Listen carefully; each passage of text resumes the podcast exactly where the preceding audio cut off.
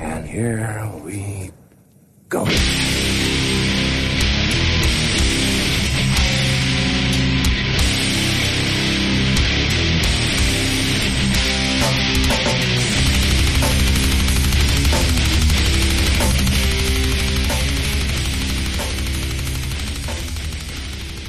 Ja men sådär då, nere på noll avsnitt 169. Jag, Robin Lindblad, sitter här med David Olsson, Hej hej. Danne Nätterdal Tja! och med oss Dunderfest. Woo!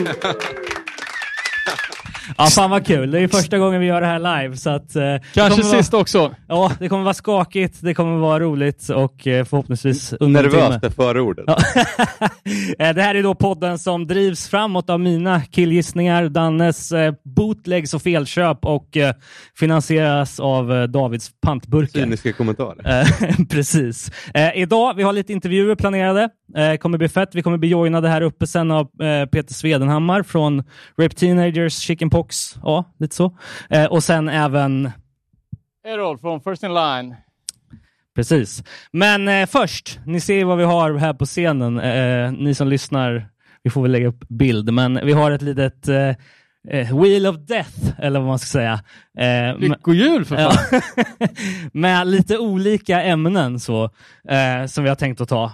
Ehm, Yes. Så att, eh, Ja men vad fan, vi går väl direkt på, på hjulet helt enkelt. har mycket att beta av, så det är lika bra att gå direkt på... Yes. på. Ja, äh, fan, sjukt mäktigt att få vara på skyltens scen. Här har man ju varit många gånger som eh, stage-divare. Eh, nu får man även vara bingo... Bingolotto Ska vi förklara lite mannen. vad vi har för kategorier? Ja, men jag tänker vi snurrar först. ja. Nej, vi gör så här. Vi gör så här. Vi har ju fan fått spons av Nowheres. Eh, är det någon som har XL? Ja, Gabbe. Kom fram och snurra på hjulet så får du en t-shirt. Snurra hårt här nu. Det var en riktig jävla roundhouse-snurrning. Inte Där så. rök Misfits-matlådan.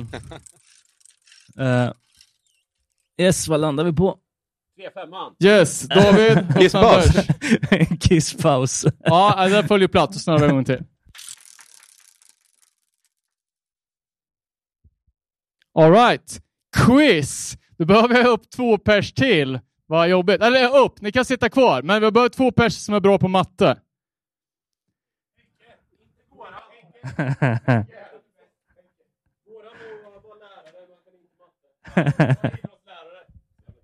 Ja, Henke och Goran får ta den då. Okej, det, det kommer funka så här. Eh, alla svaren kommer vara en siffra och de ska ni addera, dividera eller multiplicera med varandra och komma fram till en slutsiffra och den som är närmast vinner. Okej? Okay? och då får man en biljett till Örebro Punkfest. Abinanda-gig med mera. Eh, då funkar det så här. Första, första talet i vår ekvation här. 2008 inträffade en tragisk händelse. Det var nämligen då Rick Talife klippte av sig sina dreadlocks och la upp dem för försäljning i en handgjord likkista på Ebay. Hur mycket i dollar kostade de? Det är alltså er första siffra som ni också ska hålla koll på. Stör dem inte nu. Valid point. Okej. Eh, nästa siffra i ekvationen. Eh, legendaren Keith Morris från Circle Jerks, Black Flag, Off och en massa skitdåliga band som han hade däremellan fyllde år i veckan. Jag höll på att säga det. Eh, han fyllde år i veckan. Hur gammal blev han? Och den här siffran ska ni då dra minus dreadlocks-försäljningen. Eh, dreads minus Keys ålder. Eh, och temat för det här också som en liten ledtråd, alternativ förvirring, är ju att alla i quizet har dreads. Eh, Fury 5 som helt plötsligt är populärt här nu bland yngre hardcore kids eh, har ju spelat i Sverige. Deras spelning det direktsändes, höll jag på att säga. Den sändes i alla fall på eh, Sveriges Radio i P3 Live. Um, Fury 5, de hade liksom tre motton. Förutom då dreadlocks och anabola så var det ju kamouflage. Uh, eh, deras LP gjordes som en picture disk i kamouflagefärg. Hur många färger var det i kamouflaget? Den siffran ska ni nu ta och dela på det antal som ni hade innan. Okej. Okay. Nästa fråga då. Oh, du, förlåt. förlåt. Uh, Rick, Dreadlocks, minus Morris, minus antalet färger. Så det är två minus. My bad. Det är sånt här ställe vi skulle ha klippt i vanliga fall. uh, strike Nowhere, uh, Strike Anywhere. Uh, de politiska poppunkarna från Richmond. har de spelat här? Bra, bra gäng. Eh, om man räknar in deras sista platta som var en tolva, hur många fullisar har de släppt? Det ska ni ta och dela på den summan som ni hade från de tre andra. Är ni med? Uh, jag vet inte, jag, jag, har vi några fler eh, rödhåriga här? Verkar inte som det. Någon mer kanske. Uh, men om ni inte vet det, så alla vi rödhåriga, vi får ju ett brev på posten varje, varje år när man blir inbjuden att komma och gyckla på Öland Roots. Eh, jag vet inte, det, men det verkar bara vara jag som, som aldrig fastnar för det här med, med, med reggae. måste vara någon felprogrammering. Men i alla fall, i vilken månad infaller festivalen Öland Roots? David, du har varit där va? Ja. Legendariskt. Um, den siffran ska ni nu gångra den ni hade senast. nu, har vi, nu, bara, nu har vi bara en kvar här, så nu får ni hålla i det. Uh, Dave Havok från AFI Världens kanske snyggaste man har ju gått igenom många stilar. Från eh, spökpunkare till Gomez Adams och allt däremellan. Eh, nu har han ju typ tyvärr någon så här containerdykarlook med råttsvans. Hur många pisker är det i råttsvansen? Den siffran lägger ni då på totalen på de andra grejerna. Och sen vill jag ha en gissning på summan.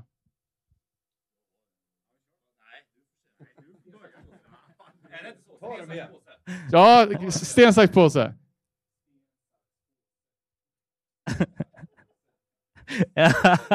Henke? Okej, okay, Goran var, var närmast. Det är 64. nice. Bra! Välkommen på Abinanda! Grattis Goran! Eh, som en symbol får även Pricks eh, diskografin, så här, de kommer också spela. wow, applåd, eh, så löser vi med biljetten sen. Mäktigt. Fan vad nice. Ja, det... ja du är alltid välkommen. Ja, vad fan, vi drar väl ett snurr till? Ett snurr till. Är det någon som har smål? Ingen som har smål? Äh, Goran, kom och snurra så får du en Nowheres t-shirt också. Just det. Ja, det blir inget bra. Nej, då, då får du sälja den. Du... jag, kan snurra, så, ja, snurra. Sen så får jag bara peka på någon. Eller dra igenom.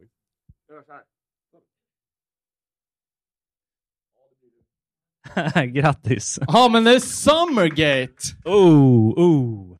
Ja, det kom ett brev på posten Robin, vad hände sen? Eh, ja, precis. Vi har inte pratat så mycket om det, men eh, vi, eh, vi fick ju ett eh, argt mail som vi i vanlig ordning väntade 13 dagar på att svara på. Eh, men ehm, det var ju SRs chefsjurist som mejlade oss om att vi gjorde någon slags copyright infringement genom att släppa poddar med namnet Sommar i. Och den här äh. chefsjuristen hade ju också jobbat för regeringen med människorättsfrågor, så det var ett riktigt högdjur som nu störde sönder sig på att vi höll på att tramsa. Först trodde vi att det var ett skämt. ja. Googlade, bara, ah, okay, fan det här är legit. ja, vi skickade det som ett skämt i vår chattgrupp tills vi förstod att det var på riktigt. Eh, men eh, alltså, det roligaste var ju när det på något sätt gick viralt. Också det roligaste eftersom vi, jag tror under en och samma dag gjorde jag tror vi hade tio intervjuer. Du gjorde fem av dem, jag gjorde tre och du tog två. David fick... Eh... DN Kultur. Ja. Den, finaste kulturskriften i hela Sverige. som vi också hamnade på fram, eh, framsidan av sen. Det är också kul med, Eh. med en eh, snubbe som hatar att prata tog också den tyngsta intervjun, men det är lugnt. Men det sjukaste och det tråkigaste var ju att det här plockades upp i alt-right-led i form av att eh, Björn Söder gick ut och twittrade något eh, groteskt om eh, public service och tog upp oss som exempel och även eh, den extremt tvivelaktiga idioten Aron Flam hörde av sig och bjöd in oss till, till eh, hans podd. Ehm, Och för oss var det ett skämt. Ja, exakt. Vad ska vi göra? Nej, men fr- från början var ju, alltså, vi sa ju liksom direkt bara, ja, whatever, vi, vi kan döpa om podden i feeden till någonting annat. Och sen så vet ju alla vad det gäller ändå. Vi bör, vill inte börja beefa med dem för att vi har så jävla mycket lik i garderoben. Vi har ju hållit på i åtta år och snott saker hela tiden. Eh, men vi håller ju, alltså det är ju ingen utanför våra kretsar som vet om vad vi gör. Det har ju varit jättemånga poddar som har försökt och startat, men som har blivit nedslagna direkt på grund av upphovsrättsgrejer, på grund av det ena och det andra. Men vi var så jävla tidiga, så vi har liksom hela tiden kunnat flyga under radarn. Och Då blev det så här, okej, ska vi nu gå ut i, ja, men det var, jag kommer inte ihåg, ja, DN, Göteborgs-Posten, så här, då kommer garanterat allt skit som vi har hållit på med de senaste åtta åren, det kommer flyta upp till ytan. Är det värt det för att det här är lite kul? Och efter ja, det var typ fem intervjuförfrågningar på en förmiddag så bara, ah, men vad fan, vi måste köra, nu får vi köra det här. Och i värsta fall får vi en stämning på halsen, då får vi göra en jävla crowdfunder, för det här är för kul för att slippa. Men då hade vi tyvärr redan pudlat mot SR. Hade vi hetat att det skulle bli sånt jävla ståhej, då hade vi såklart hållit på att drygat sönder mot dem och liksom ja, jönsat vidare med det här. Eh, men det sjuka vart ju, och det, det blev ju en liten nedtystning av, av det här, vi, vi slutade ko- kommentera om det, men att det bara plockades upp av alla som hatar public service. För vi är ju ett gäng, gäng rödingar som sitter här uppe och som är generellt jävligt positivt inställda till, till public service. Men alla, ja men fan, SD-nissar och liksom totala jävla högerspöken som Aron Flam, de hatar ju public service av en helt annan anledning.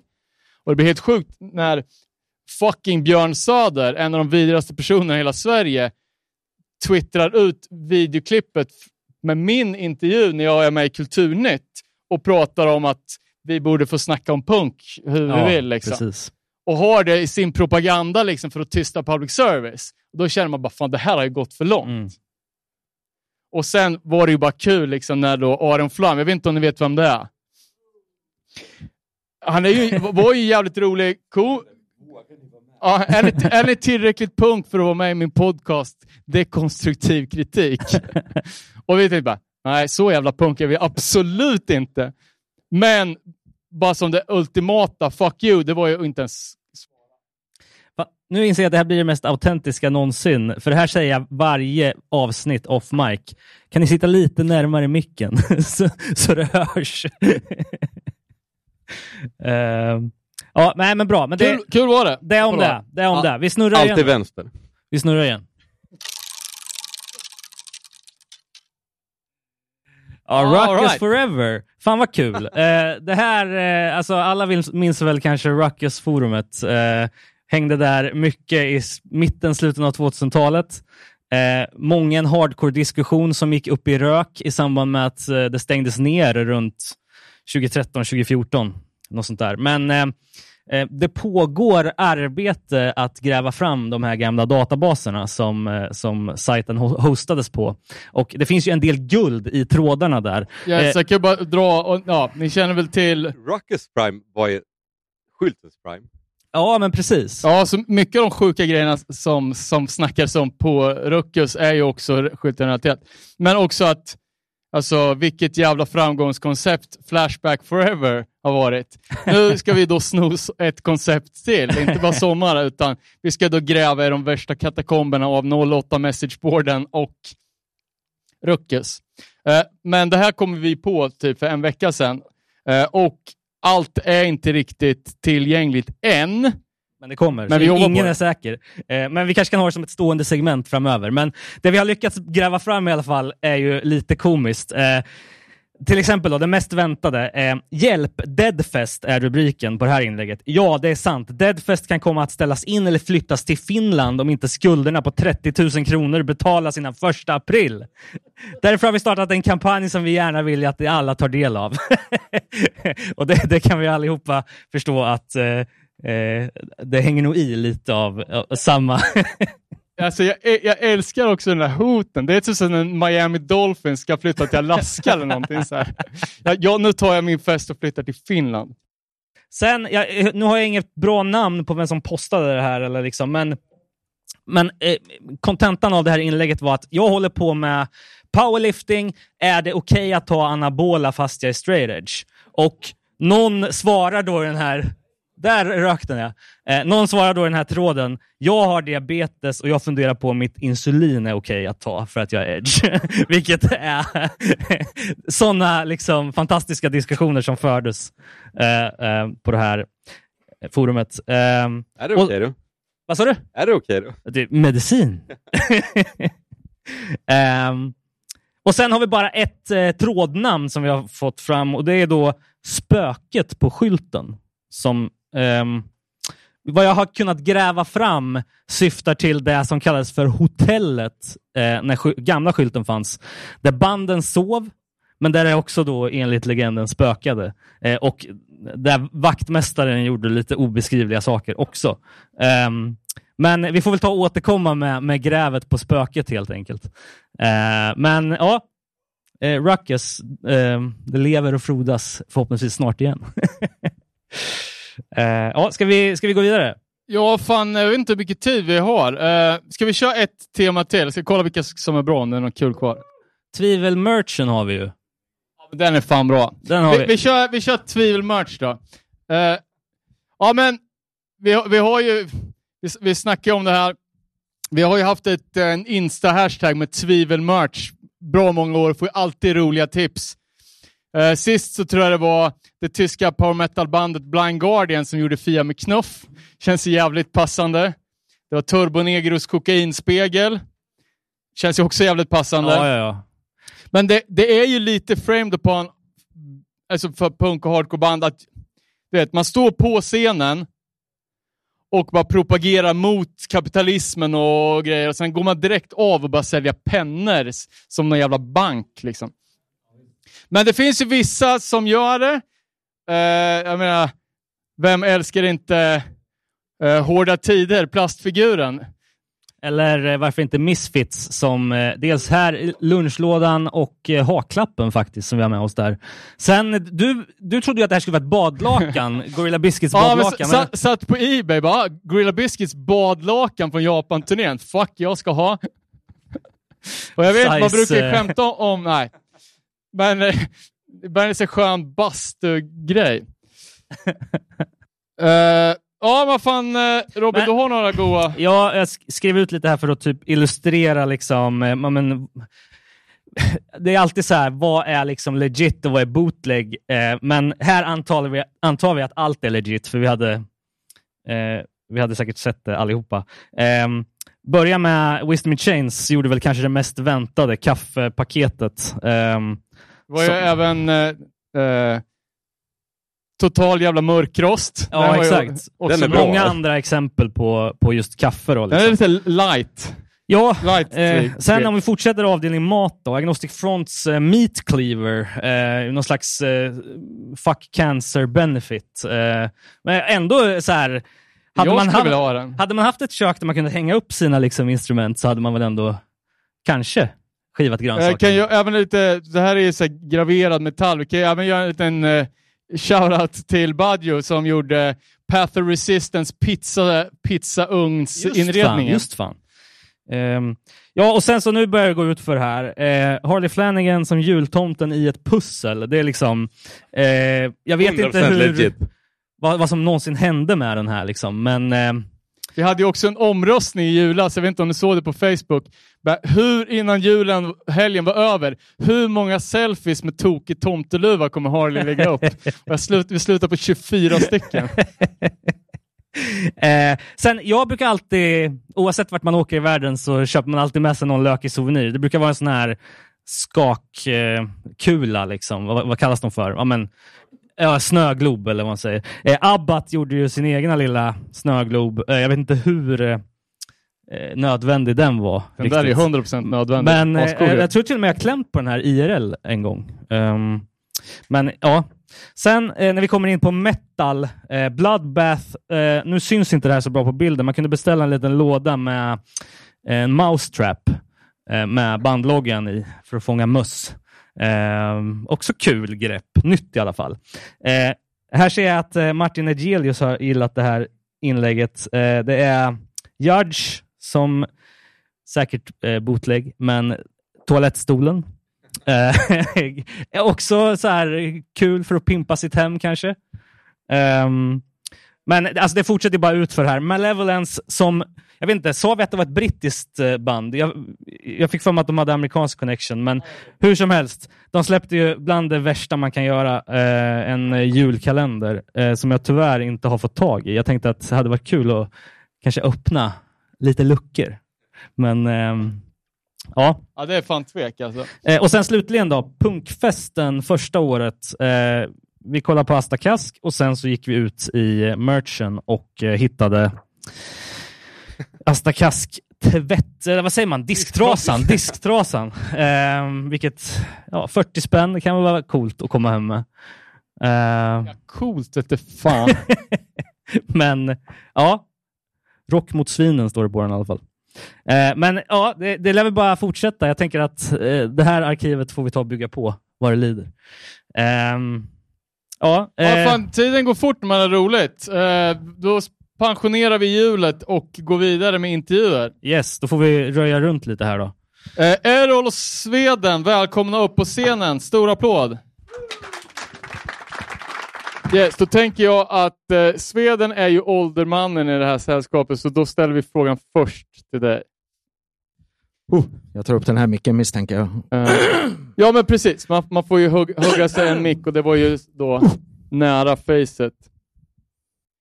Uh, men eh, eh, vi skulle vilja höra lite, vi har ju snackat mycket om eh, hardcore här över åren. extremt mycket fokus på de åren som vi har upplevt. Vi är supersugna, jag tror allihopa här, att höra på vad, fan, vad hände i Linköping och i Hardcore Sverige innan liksom våran tid. Uh, så första frågan blir ju väldigt öppen. Liksom, hur, hur och när du kom in på punk och lite hur scenen såg ut då? Ja, eh, det kan ju bli väldigt långt. Eh, ni får väl avbryta mig om jag börjar babbla på alldeles för mycket. Du bara spela ett band bredvid i andra lokalen, då är det Ja, då är det slut. Eh, jag, jag kom in på punk sommaren 77, eh, när jag var nio år gammal, eh, via Sex Pistols, Gold the Queen helt enkelt. Tack vare min kära mor eh, som hojtade om att nu är det massa lustiga figurer på tv, kom in och titta. Och eh, då var det något inslag om engelsk punkrock på svensk tv. Och då vart jag golvad. jag var mobbad, tjock, ful och eh, eh, inte så omtyckt. Och då kände jag att ja, men, då kan jag göra mig ännu fulare och eh. Så att, eh, för att då har jag några jag kan identifiera mig med. Eh, så det, det vart de här punkarna i, i England då. Och eh, jag hade ingen kompis eller någonting sånt som var punkare, men jag lyckades lura med någon i klassen tror jag. Eh, så att på den vägen var det och jag, det var ju bara liksom, ja, jag bildade mitt första band 78 som hette Sabba Abba. Jag och en kompis. Var bas och gitarr. Och eh, sen så eh, hade jag eh, ett mer riktigt band med flera medlemmar. Eh, 80 tror jag, som hette Betong. Och eh, där man sa, det, det, var ju, det var ju punk eh, som det var på 70-talet var ju väldigt eh, det, det, var ju väldigt spritt. Eh, liksom, musiken var ju inte huggen i sten vad som var punk och inte. Det var allt ifrån Blondie, Pistols givetvis, Clash, Generation X, eh, Ultravox som sändes på, på tv hösten 77 där. Eh, det var ju liksom, de hade fiol med och de hade syntar och allt möjligt bråte. Liksom. Eh, allting var öppet liksom. Men det var, det var en ganska, det var en väldigt bry, brytpunkt mot det som jag hade hört innan, liksom Kiss och Rush och Deep Purple och Stars och Angel och, och så vidare.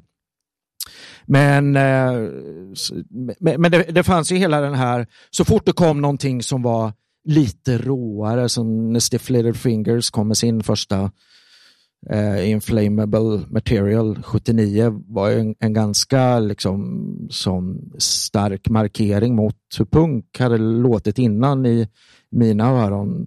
Ja, även fast Rude Kids var ju väldigt tidiga. Det var ju redan 77, liksom. det, var, det lät ju som hardcore kom att låta senare. Men det var sökandet efter det råa och eh, det som var weird, liksom, konstigt. Eh, för min del. Och, och ja. Errol då, hur såg din punkintroduktion ut? Jag tror att jag, jag det startade nog med, med KSMB, skulle jag tro. Um, kan det ha varit? Första halvan av 80-talet kanske. Um, jag hade en klasskompis som tyckte att det var coolt med Slammy Torsk. Det tyckte jag med. Och så, eh, jag är uppväxt i Malmslätt som är en medelklass-mecka, Försvarsmaktens eh, högborg. Eh, vi var rätt många filurer som tyckte att punk var ganska spännande. Sådär. Så, och sen hade vi ju Sveden och Packe och Packes lillebror Pontus var min granne nästintill, så då fick man det på ett silverfat alltihopa. Så sen var det bara att lapa i sig. Liksom. Men vi hade, vi hade en fritidsgård det var ju ett jävla under. Eh, vi var säkert 50 pers som satt och lyssnade på kassettbandspelare varje kväll. Eh, vi ockuperade musiksalen i matsalen på, på lunchrasterna och spelade dumpunk. Och så, sen, sen var det liksom bara att köra. Men, men vi hade ju de här som guidade oss och det är ett jätteplus. Liksom. Det snackas ju ganska mycket om eran 78 till 82. Var det inte ett tydligt avbräck att det vart mindre märkbar punk efter 82? Eh, eh, eh, generellt i Sverige? Jag eller, tänker att liksom, vågen ja, har jo, lagt sig. Liksom. Jo, jo, men absolut. Alltså, man kan säga från 79-80 där så vart det det vart ju råare och, snabbare. Jag menar, Disorder och, och The Charge dök upp och vi hade ju eh, Mats Nilsson från Huvudtvätt massmedia. Han flyttade hit. Han och hans bror eh, Torulf eh, flyttade ju hit 81 och de började sända eh, studentradio 81 och han spelade, de hade ju varit i Washington DC så där hörde jag SOA och eh, Tinnitus första gången våren 81 tror jag om, om jag inte missminner mig. Och han hade en egen liten distro så att då åkte jag ut eh, dit och köpte Minor Threat och eh, lite samlingskassetter och... Men de kostar säkert flera kronor då? Så. De kostar ju flera kronor. Det, ja, men det var ju dyrt då. det, det, det, var det ju. eh, ja, eh, In My Eyes som jag köpte, Minor Threat, eh, har, jag, har jag kvar. Och tror faktiskt, eh, jo men han sålde lite fin, han sålde en hel del finsk hardcore också. Eh, så där köpte jag av honom. Det har jag sålt av. Eh, och jag kom tidigt i kontakt med och det var nog genom Mats tror jag också. Pi-Totanto, jag vet inte hur det uttalas, en, en finne som hade, det var Voito Vasco tror jag han heter, som hade distribution tid, tidigt där liksom. Eh, redan 81. Eh, och sen så hade vi, man hörde, man hörde på svensk punk också, liksom massmedia. Det var ju också redan 79. Och så kom ju huvudtvätt, var ju tidigt. Eh, Kurt Kuvös var ju tidigt, det var ju 81 också, tror jag. Dess första demo där. Ja, men, men eh, ganska tydlig skillnad. 80-81, men, men kanske ja, 82 kanske som mest. Så, att det varit en brytpunkt. Och även eh, bland, bland engelsk punk, även, det, det vart ju oj då. Det var ju lite spännande i början, men det vart ganska trist först. Men Disorder och Discharge var ju husgudar ett tag där. Men, men, kom både Raped och First in Line till på Malmslätts eh, fritidsgård, eller hur, hur startade det? Liksom? Alltså Raped hade ju varit igång när vi började. De var ju husgudarna eh, såklart. Eh, vi startade med, ja, i Raped så lirade Angeltorp som kanske är den bästa vokalist jag har stött på. Eh, och han drog med mig en, en mörk och regnig höstkväll och sa att nu ska du spela bas. Eh, så vi hade ett band som hette Molto Allegro. Eh, och sen liksom bara rullade på. Så vi började som prehistoric på fritidsgården i Malmslätt 88. Eh, sen vart vi first in line ja, fyra, fem år senare kanske. Mm. Um, ja, vad var frågan nu igen? Hur vi bildades? Ja, ja alltså ja. precis. När... Ja, precis. Eh, jag kan säga, min hardcore-resa började med mitt första band Fightback som var liksom, vi ska låta som Discharge, det var 1982. Eh, och sen 83 eh, jag hade även provspelat för Destroy som kom från Skänninge. Jag spelade trummor där. Och sen så flyttade sångaren Biffen till Linköping 83 och då frågade han om jag ville vara med i ett band sommaren 83 där och han hade skrapat ihop Packe och eh, Glada.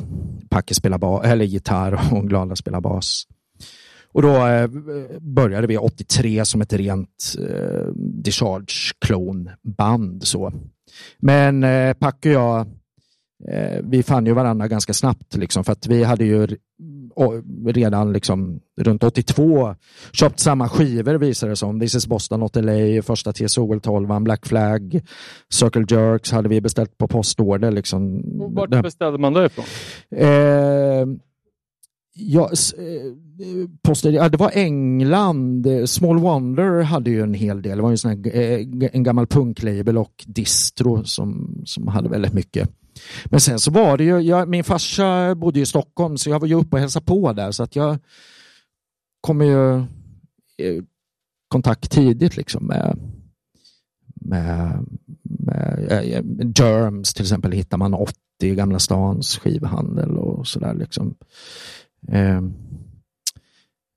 med, och i Sverige, ja men, ja, men alltså Stockholms skivhandlare hade eh, ganska brett sort eller brett sortiment på tidig amerikansk punk och hardcore. Eh, även Domus i, i Linköping, här, de hade ju första Dia California och Barallas hade de redan 80 liksom och sådär. Så att... Eh, Shoutout till Domus. Ja, verkligen. Ja, det var en fantastisk eh, gubbe där som, som tog in sånt som han tyckte verkade roligt. Men eh, hur hade ni liksom någon kontakt med omvärlden? Eh, jag tänker tidiga raped-åren, mitten på 80-talet. där. Ja, ja, omvärlden, det var ju att vi, vi åkte till Skänninge. Ja, jag, tänk, jag tänkte typ utlandet. Ja, men Skänninge räcker väl? Utlandet? Nej, eh, nej, jag hade ju inte det. Eh, nej, alltså förrän vi Ja, förrän man fick eller köpte Maximum Rock'n'Roll och började brevväxla där. Och sen så tog det ju fart mer och mer när vi hade släppt vår första sjua med, med Rape. Då. Och vart köpte ni? Beställde man Maximum Rock'n'Roll från direkt? Eller? Ja, köpt, na, det, det kunde man göra, men vi hade ju Really Fast Records. Det var ju Patrik Jonsson och Staffan Fagerberg som här ikväll som trummade vidro. De var ju tidiga med de hade ju distro och sålde Maximum Rock'n'Roll och sådär.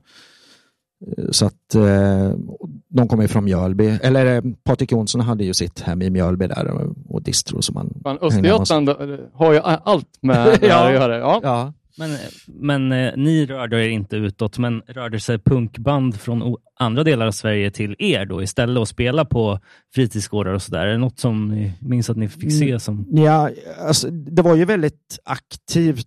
Eh, alltså Linköping var ju, eh, hade ju väldigt mycket band utifrån. Från, eh, jag gick på, på min första punkspelning 79, eh, våren 79 där. Och då var det ju jättemycket spelningar från 79 fram till 82. Då var det ett ganska märkbart eh, bryt där. Eh, ja, men då hade vi allt de här gamla punkbanden som eh, Baters, Grisen skriker, eh, Snutslakt, eh, Garbochock, Titti Reuter, ja, men liksom you name it. Och sen så dog det ju eh, ut lite där. Så därför var det ju väldigt tacksamt eh, när vi började med Rape och började spela i gamla maskinskyltsfabriken. Så började vi Aragig där med, med en gång. Liksom. Och vad hade ni för inspiration till just Rape Teenage? Ja, eh, från början var det ju Discharge, var det ju givetvis. Men, men det, var- det var ju eh, amerikansk ja, hardcore som eh, Scream och Fuse och ja, men This is Boston, Not LA satte ju ett väldigt stort avtryck eh, på, på Packe och mig. Vi, vi ville ju göra någonting åt det hållet samtidigt som vi, vi lyssnade på massa andra tokiga saker. Eh, men vi ville ju göra någonting som drog åt, åt det hållet. Men jag vill nog säga att eh, det är nog ingen understatement att This is Boston Not LA var det som liksom ja, den var så extremt viktig. Plus första TSOL 12 och Black Flag Nervous Breakdown får jag nog säga. Eh, ju- Just då i alla fall. Nej, Ja, vi, Germs och Husky Du också. Ja. ehm, för man hör ju på vissa låtar låter väl, eller så, ganska mycket Orange County. Eh, och jag, jag läste någon kommentar, bara, "Ah, fan det här låter ju som Unity, fast mycket bättre låtar. Jag såg det på någon YouTube. Ja. eh, jag såg Det är också, ett, ja, ett, ja, ett, ja. ett smicker av Ja. rang. Nå, alltså, eh, ja, alltså vi var ju Boston-soundet var det ju som, som vi, eh, plus det var ju Midwest också, Dick Kreutzen, Koro, United Mutation, var det mycket, även eh, absolut eh, Circle Jerks, Adolescents och, och allting Mycket sånt av var de också. snabba banden. Ja, precis. Eh, när blev skylten ett spelställe? det blev egentligen så fort vi, vi flyttade hit med Raped. Vi var ju första...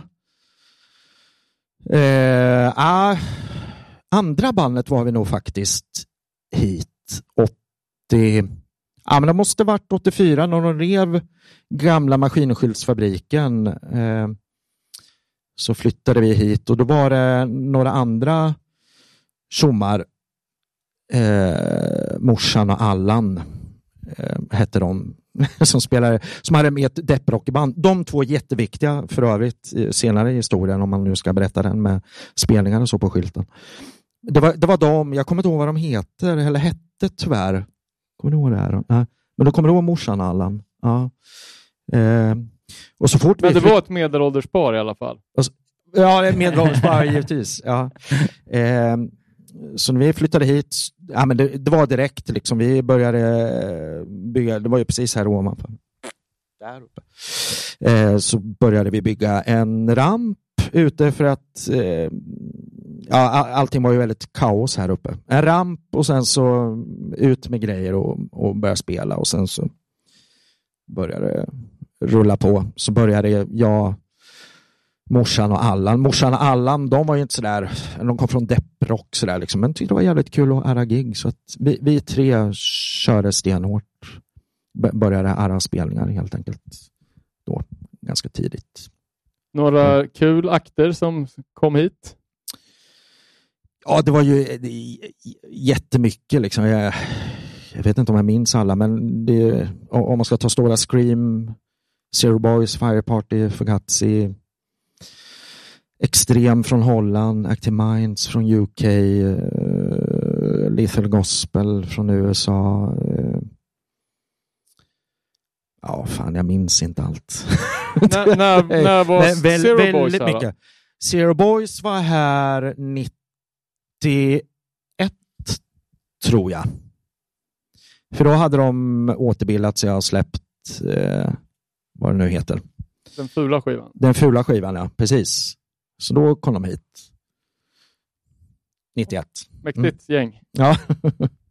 Eh, vi, vi ska väl också be, beröra lite First in Line också kanske. Att, eh, att, eh, alltså, ni är ju ett av de svenska banden som har hållit på längst nu. Alltså, Eh, är ni, ni är inte samma line-up som när ni började kanske? Inte riktigt, men, men det är inte så långt ifrån. Eh, vi, vi började egentligen med Angeltorp på trummor och min kära bror, batteristen idag, på, på sång och sen så upptäckte de båda två att de var inte bra på det alls. Så att de växlade eh, och jag var med och lirade bas. Eh, och sen har vi haft lite nya gitarrister och lite sådär, mekat med sångare lite grann och sådär. Och, och nu på senare tid också varit inne i studion, förstod jag det som. Absolut, Eh, precis. så det är liksom det är nya grejer på gång. Alltid. Ja, Ja. Det går Fett. inte så jävla fort, men det går jävligt bra. ja det går i alla fall. ja, det gör det. Ja, precis. Ja. Mm. Jo, vi har varit nere i Lund hos, hos eh, Ulf på um, Hobo Rec. Yes. Mm. Eh, ja, jag vill börja få lite tajt om tid här. Eh, har vi några grejer som vi... Nej, men jag tänker, alltså, det vore väl kul nu när vi sitter här på Mellansveriges hardcore-mecka. Vad Finns det några roliga händelser, eller några knasiga individer, eller någonting från just skylten? Eh, kna, knasiga individer. Alltså vi, vi hade ju ständiga problem med, med eh, personer som jag älskar Eh, och hatade då emellanåt. Som alltid skulle vara svinfulla och tända eld på saker så fort det var gig. Det, det, var, det, var, det var rätt stökigt på den tiden. Vilket sådär i efterhand eh, har ju sin skärm. Då. Eh, Men ja, vi, vi har ingen, eh, ingen bajsman eller, eller någonting sånt från den här tidiga, tidiga scenen. Men några sköna pyromaner i alla fall. Eh, ja, precis. Huvudtaget, alltså det var ju en weird scen var det ju.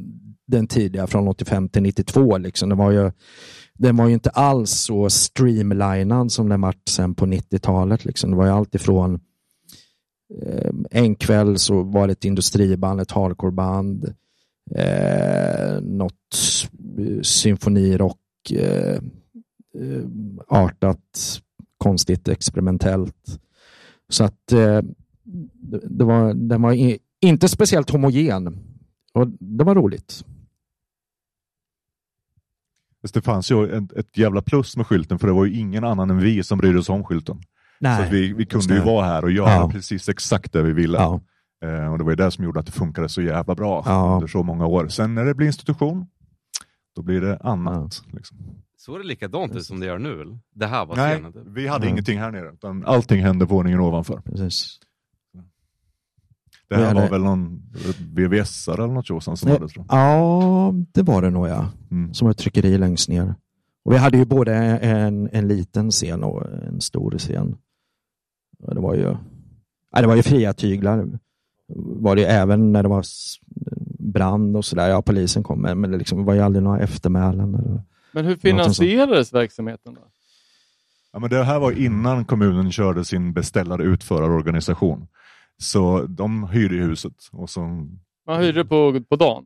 nej, alltså de, är- de hade hela hyran för huset. Och, Ja. och de hade väl, det fanns ju sådana här vet, beredskapsjobb eller så. Så att man kunde baka bullar här och gå med en mopp och städa lite och så.